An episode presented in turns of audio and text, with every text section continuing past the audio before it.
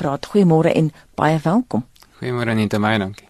Die Britte en die Noore sê nou Fransjoe dat die yslaag by sommige plekke tot 120 meter verdun het. Wat beteken dit vir ons? Dit beteken dat die groot Wes-Antarktiese yskap besig is om baie vinniger te smelt as wat ons net 5 jaar gelede gedink het. So min of meer 25% van hierdie yskap is nou onstabiel.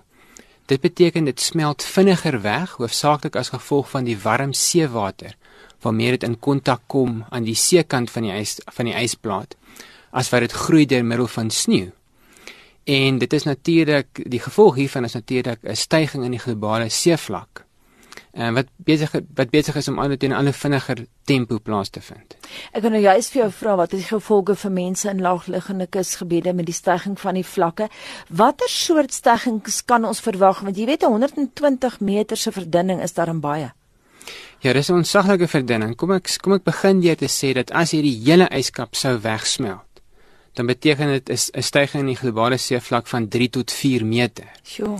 Nou in die Groenland yskap sit daar 'n verdere 6 tot 7 meter van potensiële seevlakstygings. En dan natuurlik in die heel grootste van al die ysplate, die een van Oos-Antarktika, sit daar 'n hele 60 meter van potensiële seevlakstygings.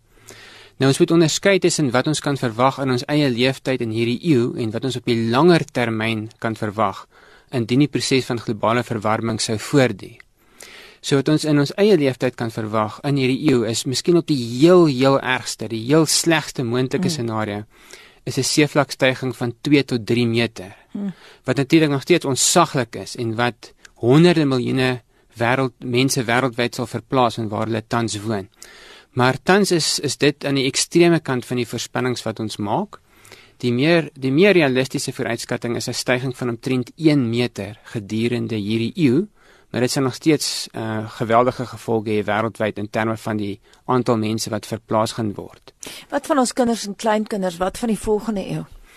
Dit is 'n groot vraag. Wat wat ons nou besig is om te doen, het ons verlede jaar bevind in die interregeringspaneel oor klimaatsverandering met die met die groot verslag wat in Oktober verlede jaar vrygestel is. Dat ons tans op die punt is om die onomkeerbare wegsmelt van hierdie Wes-Antarktiese yskap en ook die Groenland yskap te initieer. So indien ons die aarde se temperatuur sou verwarm tot 1.5 grade Celsius, ehm um, ons moet onthou ons lê nou reeds op 'n verwarming van 1 grade 1 grade Celsius globaal. As ons die drempelwaarde van 1.5 grade Celsius oorskry, hmm. dan is daar kans dat hierdie yskap onomkeerbaar gaan begin smelt. En dit gaan natuurlik ons ons kinders en hulle kinders en vele nageslagte na hulle verbind om te lewe in heeltemal 'n ander planeet waar ons vandag lewe. Waarin ons kan kan kyk na seevlakke wat 10 tot 12 meter hoër gaan wees as vandag indien hierdie Wes-Antarktiese yskap en ook die Groenland yskap sou wegsmelt. Wat is die kanse dat ons dit nog kan verhoed? Jy praat van daai 1,5. Ons is nou op 1. Die interregeringspaneel oor klimaatsverandering het verlede jaar bevind dat dit steeds moontlik is om die proses van klimaatsverandering te halt. So ons kan dit nog regkry om hierdie onomkeerbare gevolge van klimaatsverandering te voorkom. En die verslag het ook gesê wat ons moet doen om dit reg te kry en dit is dit is 'n baie baie groot uitdaging wat voor ons lê. Maar ons moet so vroeg as die jaar 2030 ons kweekhuisgasemissies op die planeet verminder met 45% relatief tot die 2010 vlak. En dan moet ons voortgaan en teen die jaar 2050 moet ons 'n sogenaamde net zero koolstofdioksied wêreld hê. So ons moet geen verdere koolstofdioksied in die atmosfeer inpomp teen die jaar 2050 nie. Maar ons kan dit nie doen as uh, al die rolspelers nie saamspeel nie. Die Trump administrasie is een rolspeler wat eenvoudig weier om dit te glo. Korrek. En dit is hoekom dit so verskriklik moeilik is om hierdie probleem op te los. As as al die lande van die wêreld nie saamspan en op die kort termyn almal kostes op hulle aan hulle ekonomie aanvaar nie, dan kan geen enkele land in die wêreld hierdie probleem oplos nie. En natuurlik die eerste twee lande wat 'n leidende rol moet speel in die geveg teen globale verwarming en klimaatsverandering is die FSA wat die grootste historiese verantwoordelikheid het vir hierdie probleem en tweedens natuurlik ook China wat deesdae die grootste vrysteller van kweekhuisgasse is wêreldwyd. Fransjo kan mense hierdie lande dwing om iets te doen? om aan boord te kom. Die die Parys-ooreenkoms oor klimaatsverandering wat natuurlik met geweldige moeite en sorg onderhandel is deur meer as 190 lande wêreldwyd, is ongelukkig nie bindend nie. So lande maak in hierdie in hierdie ooreenkoms vrywillige verbintenisse oor die tempo waarteen hulle kweekhuisgasemissies gaan verminder. So op die oomblik is dit steeds nie ehm uh, daar's nie daar's nie wetlike gevolge of byvoorbeeld sê net maar sanksies wat ingestel kan ingestel kan word teen lande wat nie hulle deel doen in die stryd teen aardverwarming nie. Maar moet ons dit nie verander nie? Wel, dit is natuurlik 'n idee wat al baie lank op die onderhandelingstafel is, maar natuurlik ehm um, die die Verenigde Nasies deur die klimaatonderhandelingsprosesse probeer altyd vorentoe vorentoe beweeg deur 'n proses van konsensus waar waar al die lidlande saamstem oor die volgende stappe en waar almal vrywilliglik saamwerk. Nou op die oomblik is dit natuurlik nie goed genoeg nie want hierdie verbintenisse wat wat lande tot nou toe vrywillig gemaak het um, onder die Parys-ooreenkoms um, stuur ons nog steeds na 'n globale temperatuurtoename van omtrent 3 grade Celsius teen die einde van die eeu wat 'n wat 'n reeks katastrofiese en gevaarlike klimaatsveranderingsimpakte tot gevolg gaan hê. Is daar nou al stemme wat sê ons moet noodmaatreëls instel, ons moet kyk na sanksies, ons moet hierdie hele proses verander om die Chinese en die Amerikaners aan boord te kry? Daar's hier wat stemme wat opgaan. Ek dink die die wêreldwye druk is natuurlik so groot as wat dit moontlik kan wees, maar ek dink wat lande ook toenemend moet na kyk is na wat hulle kan doen indien die klimaatsonderhandelingsproses sou misluk. So in Suid-Afrika moet ons besef, dit is nie in ons hande om hierdie probleem van klimaatsverandering in ons eie land om te keer nie. En dit is werklik waar in die hande van die groot geïndustrialiseerde lande van die noordelike halfrond, hoofsaaklik die VSA en China. So wat ons in Suid-Afrika op toenemend moet fokus is hoe ons kan aanpas by die veranderings wat ons toenemend gaan affekteer want daaroor het ons darem 'n mate van beheer. Vir luisteraars wat pas uh, by ons aangesluit het en nie weet waaroor die gesprek gaan nie. Die Britte in die noorde het 'n verslag uitgebring wat toon dat byna 'n kwart van die Wes-Antarktiese yslaag onstabiel is trouens by sommige plekke het dit verdun tot 120 meter. Nou die data is gebaseer op 25 jaar se satellietdata wat bestudeer is en ons praat veraloggend oor die gevolge daarvan met professor François Engelbrecht van Wits Universiteit. François, gaan ons nou meer verskynsels soos El Niño en La Niña te wag te wees weens hierdie klimaatsverandering en so aan? Ja, daar bestaan ongelukkig ook die gevaar dat ons meer gereeld te doen gaan hê met baie sterk El Niño gebeurtenisse. En baie van die luisteraars sal natuurlik die El Niño onthou van die jaar 2015-16, vars in die geë. Mm. Dit het geweldige hittegolwe gebring na Suider-Afrika. Dit was by verre die warmste somer wat ons nog ooit gemeet het in 100 jaar van metings hier in Suid-Afrika. En dit het natuurlik ook gepaard gegaan met 'n baie groot droogte. So gedurende daai droogte het, het Botswana in 2015 omtrent omtrent 20% van sy beeste verloor en nog 20% in 2016. En in Suid-Afrika het ons natuurlik ook die grootste droogte in meer as 100 jaar gehad in die Vrystaat en Noordwes provinsies en ons mielieoes is baie erg geaffekteer. Nou hierdie tipe El Niño gebeurtenisse kan verdubbel in hulle frekwensie van voorkoms.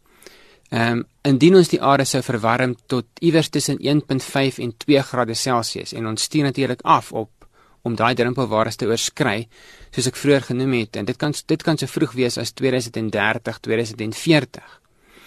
So dit is natuurlik nie goeie nuus vir Suid-Afrika nie want vir ons beteken dit dat ons streek se klimaat geleidelik al hoe droër gaan word. Na alle waarskynlikheid gedurende hierdie eeu met dan hierdie baie groot El Niño gebeurtenisse wat baie meer gereeld gaan voorkom as waarin ons gewoond is. Jy praat nou van 2030, maar dis om die draai, maar kom ons kyk na hierdie komende somer, kan ons die uh, gevolge van van hierdie uh, drama te wag te wees hierdie somer al 2019. Wel, wat ons wel kan sê in hierdie kom vir hier, wat hierdie komende somer betref, is dat daar tans 'n El Niño gebeurtenis voortsluimer in die sentrale en oostelike Stille Oseaan. So ons het natuurlik gedurende die vorige somer van 2018-19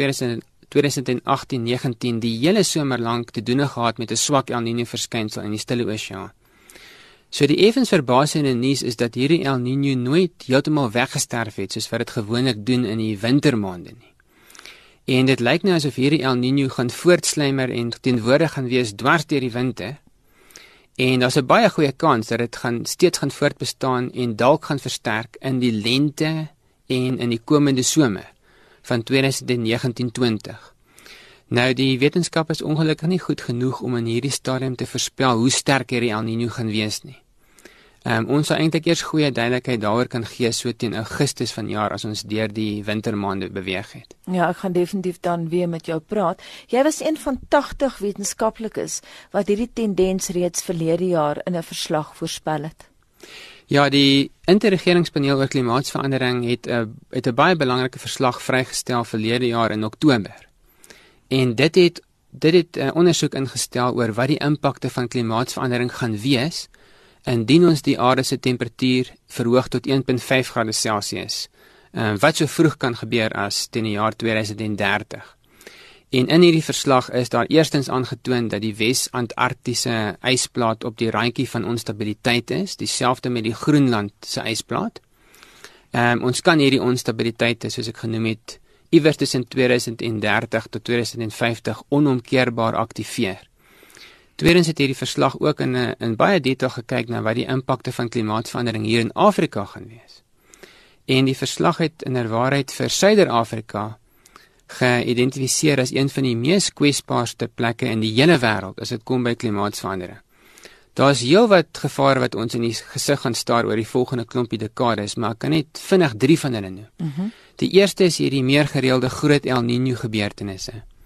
En dit bedreig direk ons mielieoes in die eerste plek en tweedens ook ons veebedryf, spesifiek die die die vleisbees en die melkbees bedryf vanweë hierdie geweldige stygings in temperatuur. Die tweede groot gevaar is die meer gereelde voorkoms van baie intense tropiese siklone. En ons het nou inderwaarheid die afgelope seisoen ook 'n voorbeeld gesien van hoe erg dit kan raak as ons kategorie 4 tot kategorie 5 siklone het wat inbeweeg spesifiek oor Mosambiek, maar dit is nie heeltemal onmoontlik dat so 'n sikloon ook oor meer suidelike gebiede soos Maputo of dalk selfs Richards Bay kan inbeweeg nie. Hoekom word Suider-Afrika spesifiek so sterk getref? Dit gaan oor ons baie unieke streeksklimaatstelsel. So Suider-Afrika is geleë in die sogenaamde subtropiese gedeeltes van die wêreld. En dit is eintlik 'n gebied wat van nature droog is. Ons kan eintlik net reën as 'n weerstelsel ons bereik van ver uit die suide van die subantarktiese gebiede of vanuit die noorde vanaf die trope. So in ons streek wat so van nature eintlik baie waterskaars is en wat eintlik maar van nature 'n warm streek is, as so 'n streek warmer en droër word, dan is mens onmiddellik baie kwesbaar. En daar's baie baie min wat 'n mens kan doen uit 'n klimaatsaanpassingsoogpunt. Die die derde groot gevaar wat ek net vinnig wou noem is het juist te doen met droogte. Ons sien ook natuurlik wat klimaatsverandering alreeds doen in terme van ons kwesbaarheid vir droogtes in die geval van die stad Kaapstad. So die waarskynlikheid van die tipe droogte wat die Kaapstad dagsere droogte byna meegebring het. Die waarskynlikheid vir daardie tipe droogte is reeds 3 keer hoër as wat dit veronderstel is om te wees as 'n gevolg van klimaatsverandering. Nou ons het ook in 2015-16 baie sterk streng waterbeperkings gesien oor Gauteng as gevolg van die droogte. Ons moet besef dat op een volgende droogte, sê 3 tot 5 jaar van op een volgende droogte in die somerreënvalstreek, ook moontlik 'n uh, 'n dagsere gebeurtenis na die Gauteng provinsie kan bring. En dit is natuurlik, dis miskien uit 'n ekonomiese oogpunt ons enkele grootste risiko van klimaatsverandering op die op die kort termyn. My hart het nou in my skoene gesak toe jy sê daar's eintlik baie min wat ons kan doen.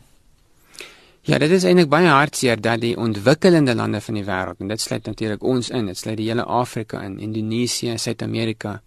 Hierdie lande het 'n baie baie klein historiese verantwoordelikheid in in terme van wie hierdie probleem van globale verwarming en klimaatsverandering veroorsaak het. En tog is dit hierdie ontwikkelende lande wat die mees kwesbaarste is as dit kom by die impakte. Jy praat nou spesifiek van Amerika en China. Hulle met pa staan hier voor en hulle is juist die mense wat nie wil saamspeel nou nie. Ja, dit is natuurlik ook 'n baie baie belangrike twispunt in die klimaatsverandering onderhandelings.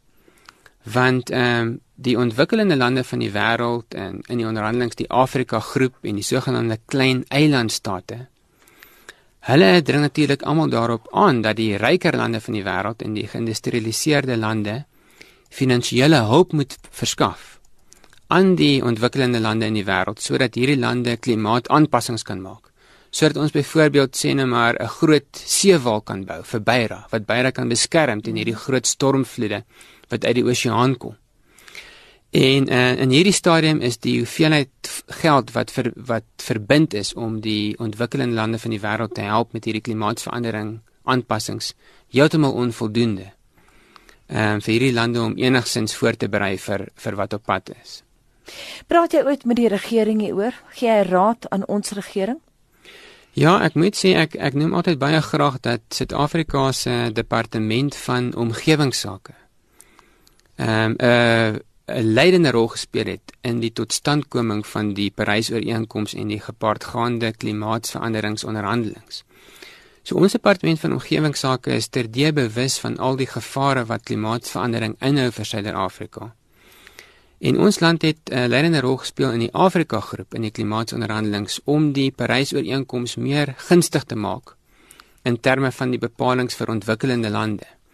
So vanweë ons land se poging spesifiek is daar 'n baie groter klem in die Parys-ooreenkoms op die aanpassing.